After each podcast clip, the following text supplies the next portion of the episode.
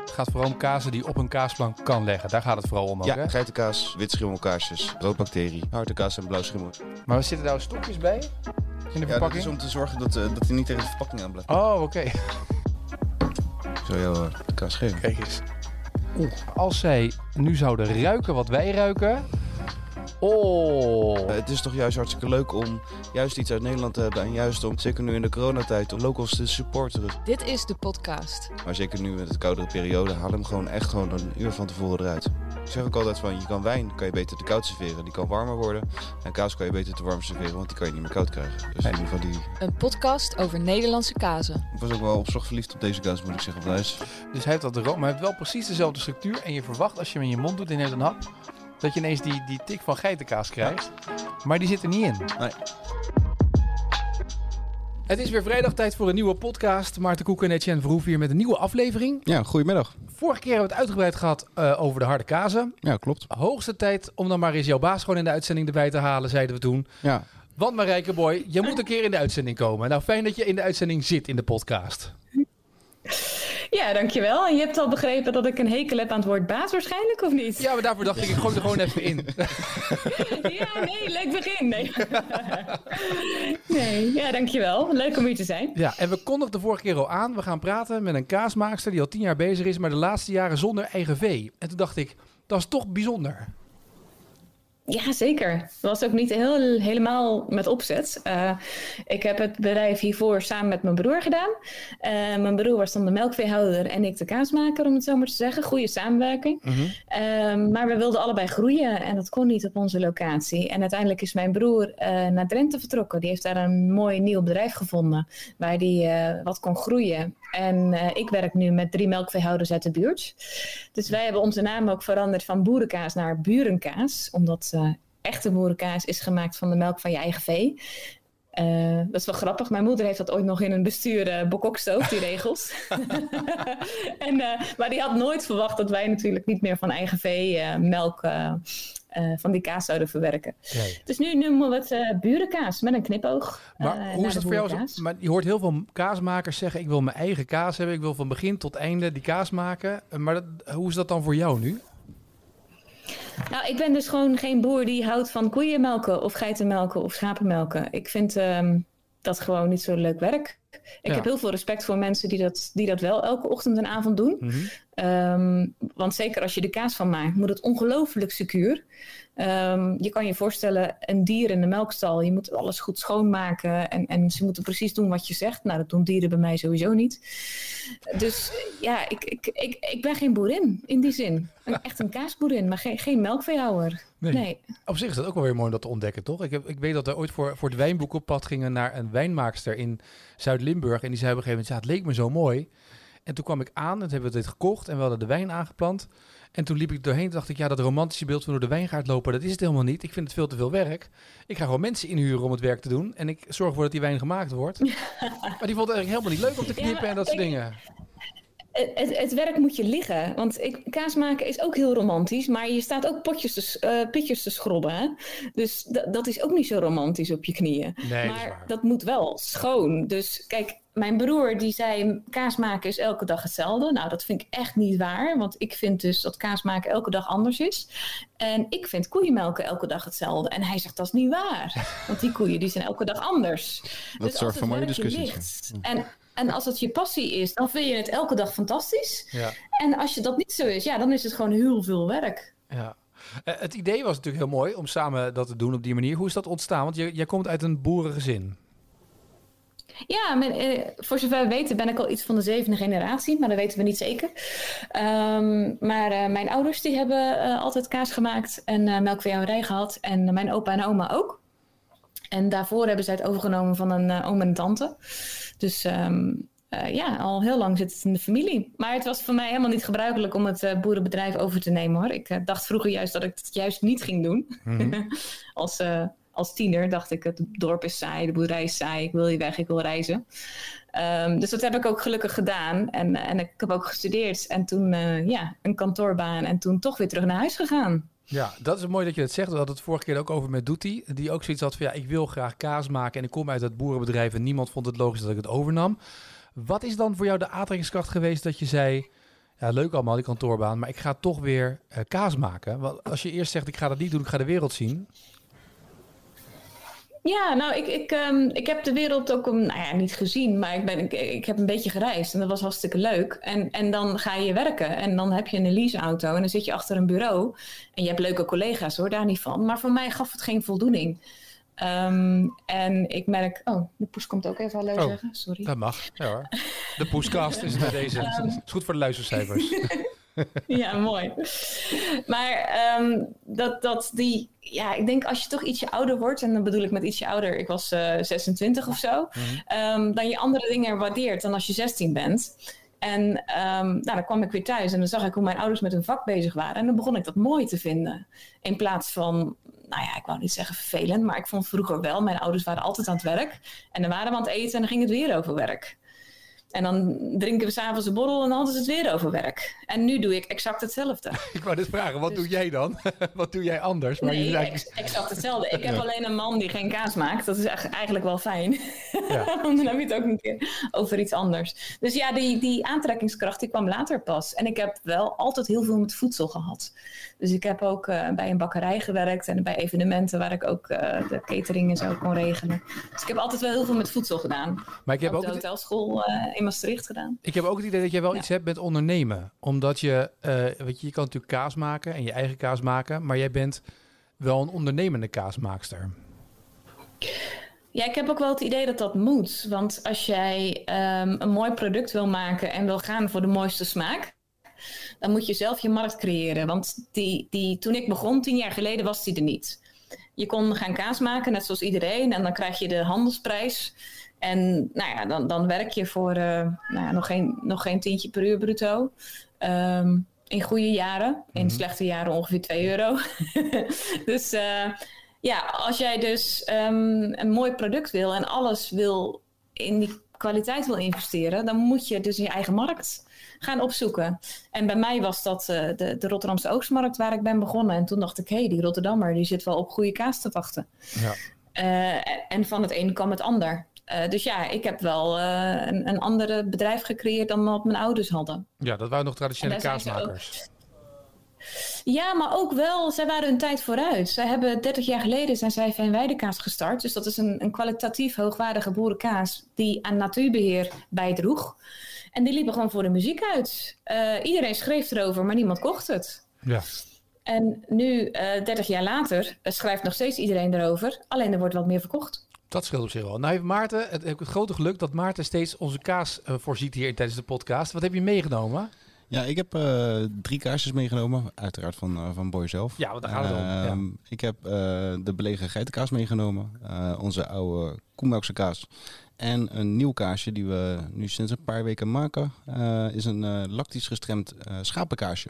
Die we in samenwerking maken met de familie van de Dol. In ieder geval, we krijgen, daarvan krijgen we de, de melk aangeleverd.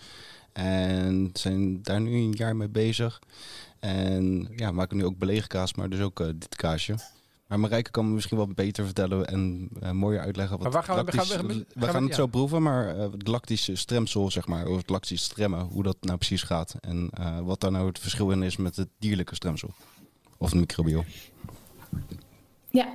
Nou ja, we, hebben, ehm, we maken dus goudse kazen, hè, harde kazen. Eh, daar, zijn we, eh, daar zijn we bekend om. En eh, dat vind ik ook ontzettend mooi om te doen. Want een, een kaas waarbij alles klopt en die snij je na een jaar open. En dan heb je dus een mooie oude kaas. En dat klinkt heel eenvoudig, maar ik benader dat net zoals wijn. Hè? Dus je hebt terroir, je hebt je soort dieren, je ras. En dan heb je daar melk van. En dan moet je de best mogelijke kaas uithalen. Dus ook je rijpingsproces ehm, is heel belangrijk daarin. Ehm, dus van, dat, dat is voor mij van A tot Z de kaas. Dat is de basis Eh, eigenlijk voor jou. Ja, en, en, en bij wijn wordt daar heel ingewikkeld over gedaan. En bij kaas zeggen we, joh, je maakt groen kaas. Nou, dat is dus helemaal niet zo. Je bent met elke stap van het proces ben je eh, zo ermee bezig als de Fransen met de wijn bezig zijn, om het zo te zeggen. Ehm, maar ja, de, de, de goudste kaas hebben we nu geloof ik onder de knie. En ehm, ik, ja, ik vind het ook altijd leuk om nieuwe dingen uit te proberen. En ik ben altijd ontzettend geïntrigeerd dat in Frankrijk dat ze de melk laten rijpen. Ehm, er zijn meer kaasmakers in Nederland hoor, die doen, doet die. Die doet het echt heel goed. Ehm, en dan laat je dus uh, melkzuurbacteriën in de melk en die laat je 24 uur rijpen, verzuren. En dan vervolgens doe je er stremsel bij en dan laat je hem stremmen. Dan wordt hij dik en dan kan je uh, kaas gaan maken, gaan snijden en gaan uitscheppen. En dat is een hele nieuwe stijl. En ik vond dat bij schapenkaas wel ontzettend leuk om te doen, bij schapenmelk. Omdat uh, dan haal je heel veel andere smaken naar voren als dat je bij goudse kaas doet.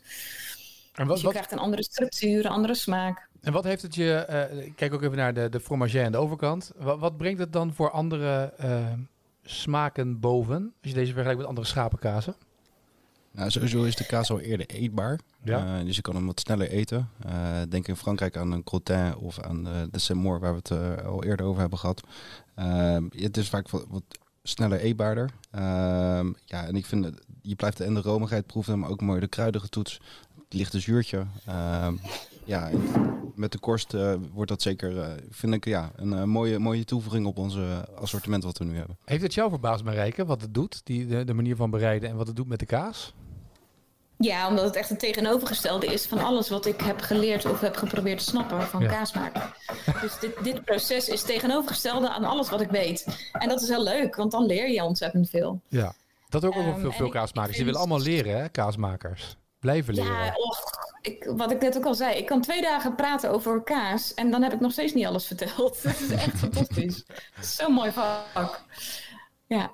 maar wat ik dus bij schapenkaas uh, wel eens mis, uh, vind ik in ieder geval heel moeilijk, maar uh, ik ben ook niet zo lang met schapenkaas bezig, is ja, het heeft niet echt een zuurtje.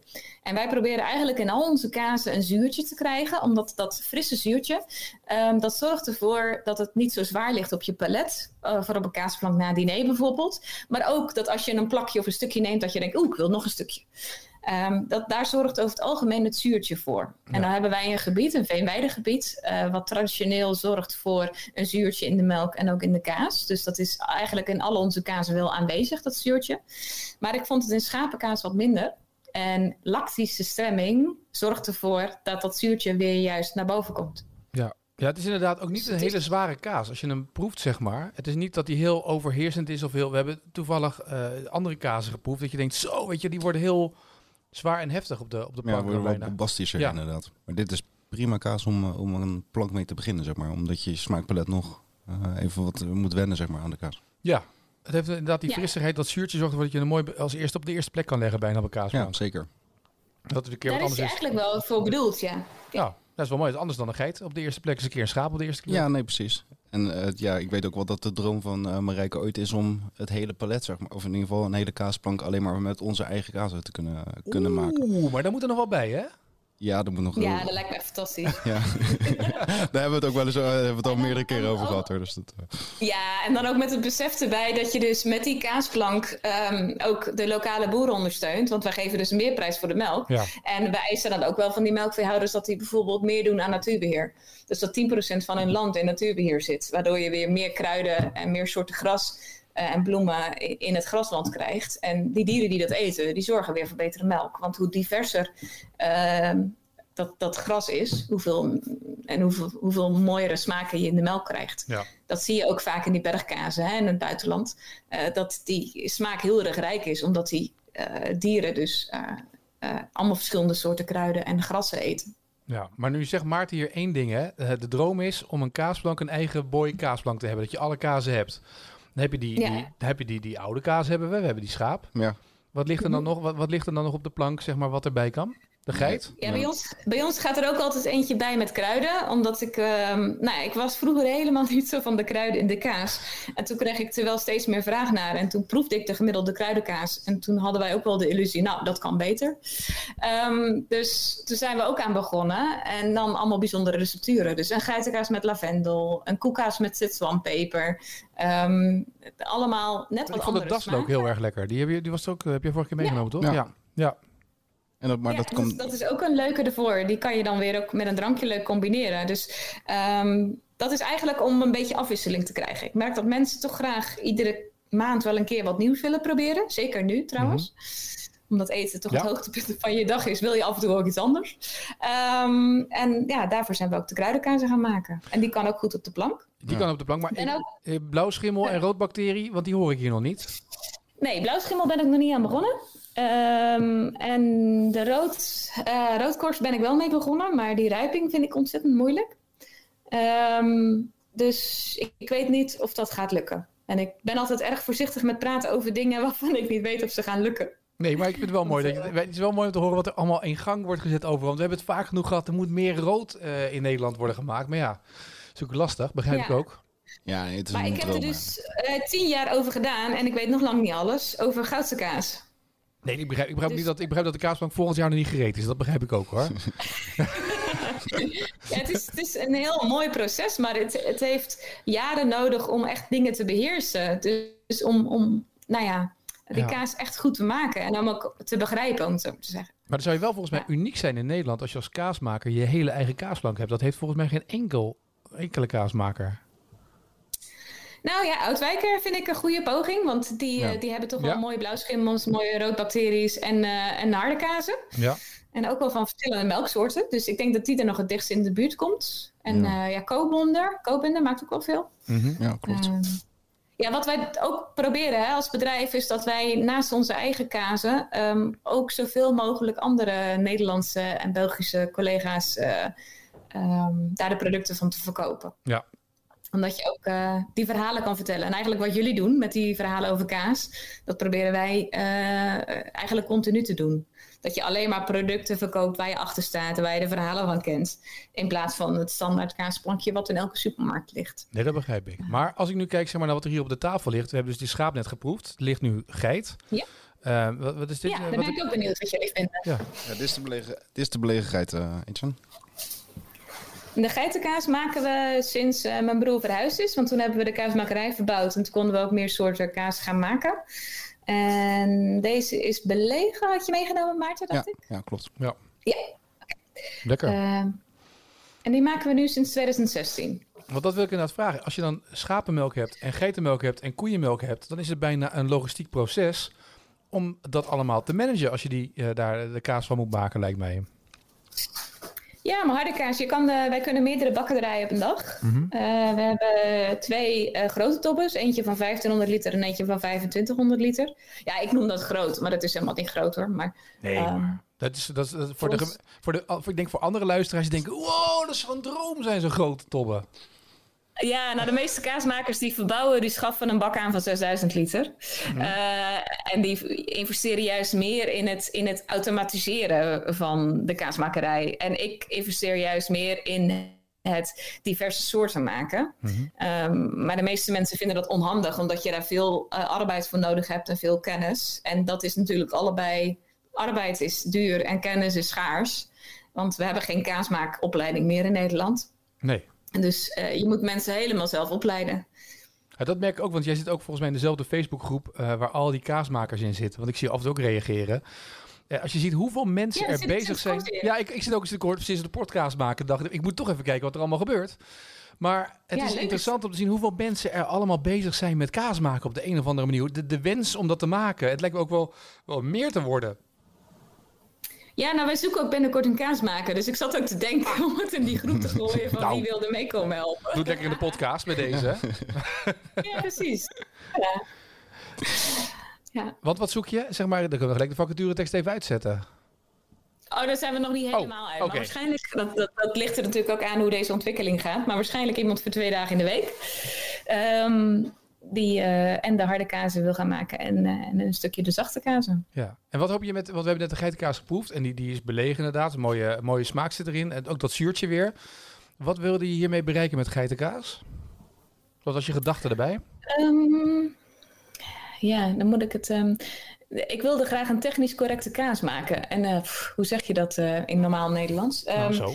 Dus ja, nee, technisch correct, dat is dat snap ik niet echt wat ik bedoel. Eh, Ik vind heel veel geitenkazen vind ik eh, een beetje stallig of een beetje eh, nou ja, erg eh, bokkig of geitig, als je dat zo wil noemen. Mhm. En ehm, wat ik heel lekker vond in geitenkaas is als die rijpt, dat er dan een zoetje naar boven komt. Dus dan krijg je nootachtige smaken. Soms juist als die echt ouder wordt, een beetje karamel. En dat vonden wij echt de allerlekkerste kaas uh, van de geit. Dus die hebben we geprobeerd uh, te maken. Wat was de meest gehoorde klacht van geitenkaas? Dat mensen zeggen, ja, het is zo stallerig. Ja, dat, dat mensen daar dan moeite mee hebben. Kijk even naar ja. En, en, en ik zelf ook wel. Ik vind dat op een kaasplankje lekker. Mm -hmm. Maar uh, dit is meer de geitenkaas die je ook gewoon elke dag op de boterham kan eten. En dan gaat het me op een gegeven moment tegenstaan. Ja, dat, dat hoor ik ook wel in, dat hoor ik ook wel in de winkel inderdaad. Dat vaak inderdaad mensen geen geitenkaas dusten. En dan laat je ze juist deze bijvoorbeeld proeven. En dan zijn ze toch wel om, zeg maar, van oh, dit is wel een hele lekkere ja. uh, geitenkaas. Dus dat is, ja, dat proberen wij ook, zeg maar, ook in de winkel altijd wel om te zorgen dat uh, gewoon sommige dingen ook laten proeven, om het gewoon laten, laten ervaren. En dan ja, we doen ook wel eens een beetje ondeugend hoor, dat we gewoon een proefbakje, ja dat kan nu even niet met corona, maar dat we een proefbakje geit of een proefbakje schaap neerzetten. En dat we er niet een potje bij zetten dat het geit of schaap is, want dan proeft iedereen het. En dan zegt ze, oh die is lekker. En dan oh ja, geitenkaas. Nee, ik lust geen geitenkaas. Nou ja, die, die net vond je lekker, toch? Oh, ja.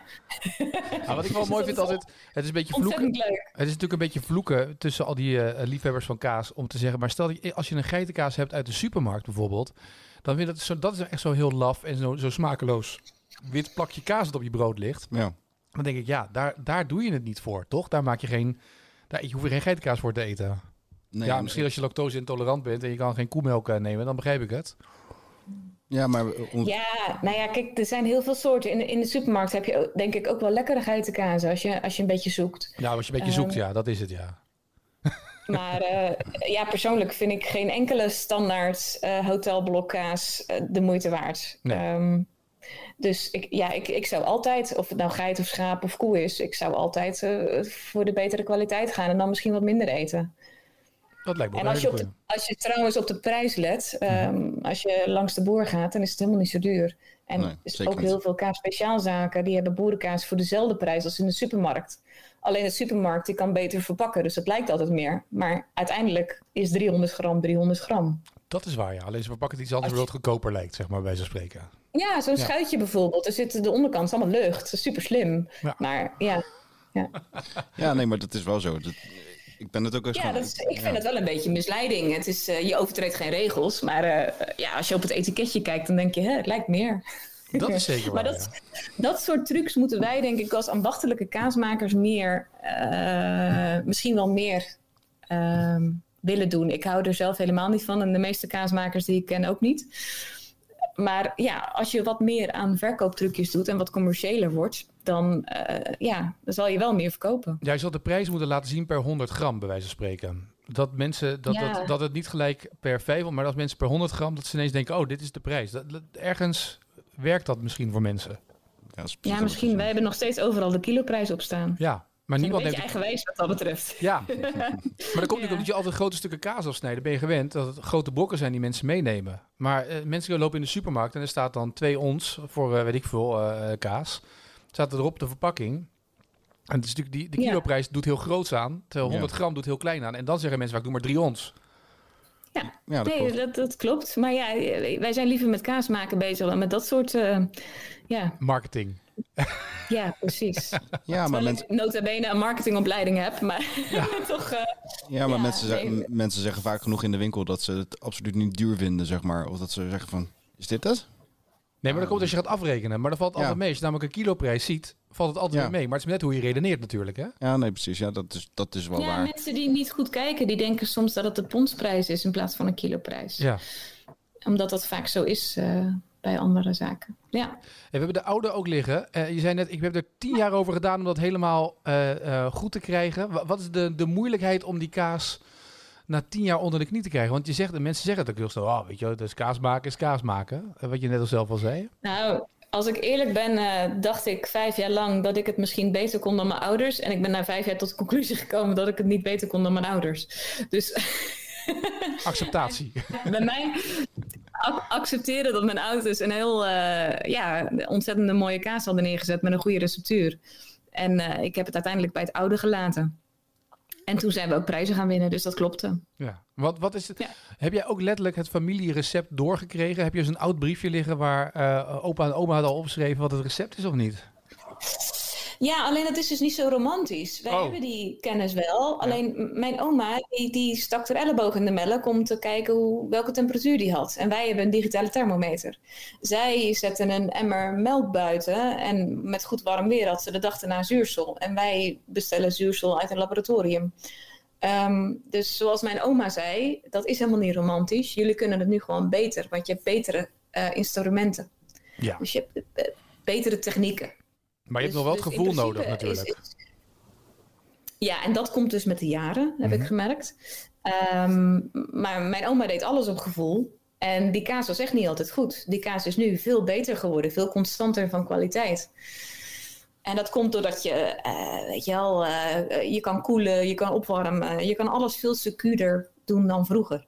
Ja. Maar hier zeg je En, eigenlijk volgens mij, je eh, zegt één ja. bijwoordje er eigenlijk. De, de kaas is constanter geworden.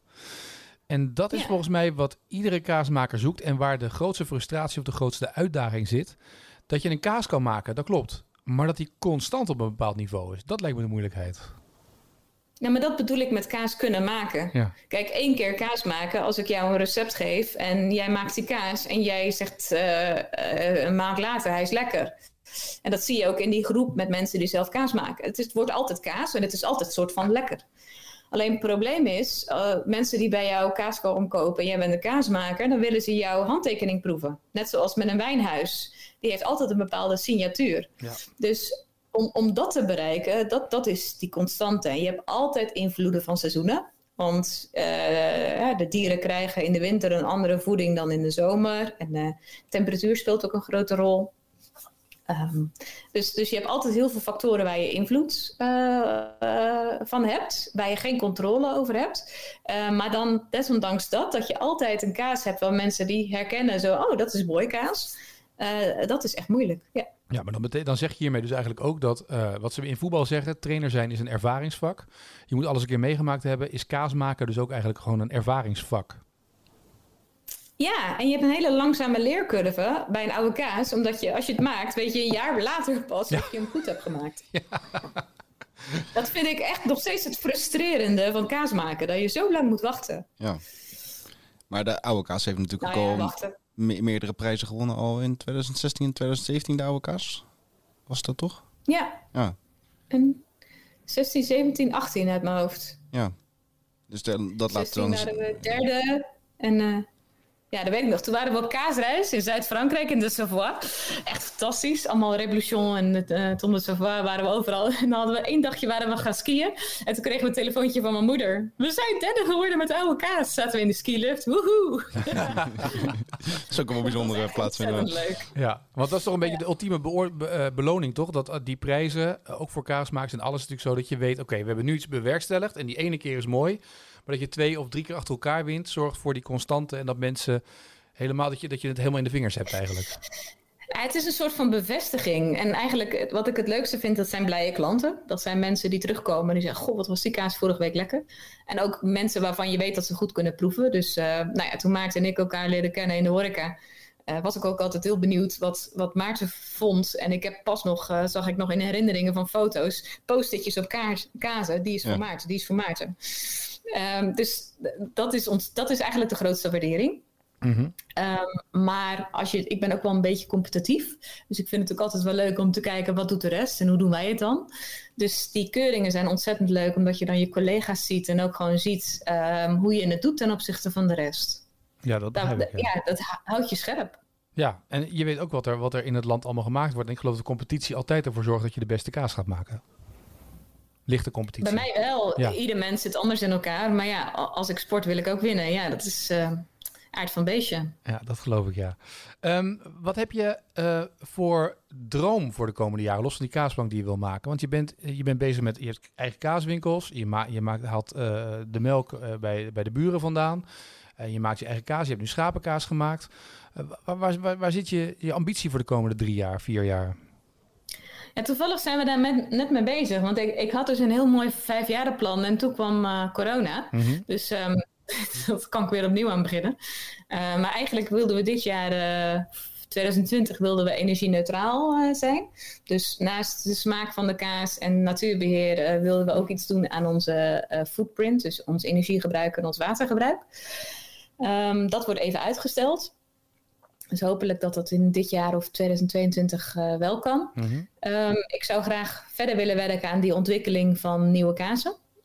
En um, ja, wat ons heel goed bevalt, is uh, dat, dat, wij met mensen werken die ook zo enthousiast worden van kaas als wij zelf. Dus dat de familie een beetje uitbreidt, om het zo maar te zeggen.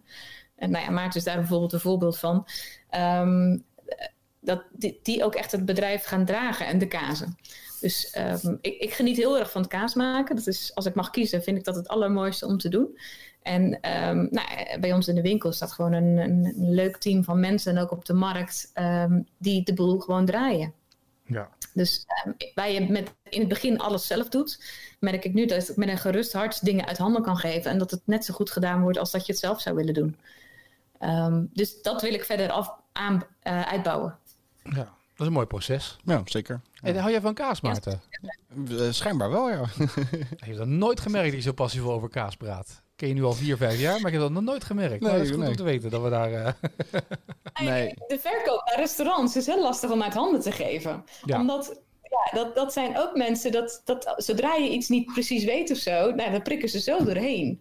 Dus, um, en Maarten komt uit de horeca en nou ja, is inderdaad net zo gek van kaas als, als, uh, als dat ik dat ben. En dan uh, denk je, oh nou, daar hoef ik niet meer naar om te kijken. Die, uh, die heeft dat, die, ja, die, die kan dat. Ja, dat scheelt, ja, dat scheelt zeker. Ja, en ik vind die, Ja. ik vind die passie zo mooi die jullie, of eh, die je familie heeft, zeg maar. Dat, ja, eh, in ieder vat wat, waar, waar, eh, ehm, als je binnenkomt, zeg maar, dan proef je gewoon, er wordt hier kaas gemaakt, wordt hier ambachtelijk gewerkt, wordt hier met liefde gewerkt. En ja, eh, dat vind ik nog steeds heel mooi. Ja. Dat is het allermooiste, toch? Als mensen Ja. echt met liefde over... Ik vind dat, dat vind ik nog altijd... Dat was de ontdekking toen we het boek gingen maken over de Nederlandse kaasplank. Dat was de ontdekking nu weer in de podcast. De passie die mensen hebben als ze vertellen over kaas maken... eh, dat maakt uiteindelijk waardoor die kaas ook nog drie keer zoveel lekkerder smaakt. Ik weet dat we in, in wijn zijn we etikettenkopers. Dat is in Ja. kaas wat lastiger. Eh, maar dat, maakt, dat geeft de beleving al zoveel extra mee. Nee, dat klopt. Alleen wat het is, is bij kaas is die passie heel erg binnenshuis gebleven. Ja. Eh, kaasmakers zijn over het algemeen ook boeren die ook de, hun melk, eh, weet je, het melkvee zelf doen. Dus dan ben je al s ochtends en s avonds aan, aan, aan het melken. Dan maak je ook nog kaas tussendoor en dan heb je soms ook nog een winkeltje. Dus die zijn hartstikke druk. Ja. En wat ik nu merk is dat er dus, zoals deze podcast trouwens, hoe fantastisch. Iedere keer een podcast alleen maar over kaas. Zo leuk. Ehm, maar dus, dus dat, en dat er mensen zijn zoals Maarten en ook, nou, er zijn natuurlijk meer collega's die fromager worden in plaats van sommelier.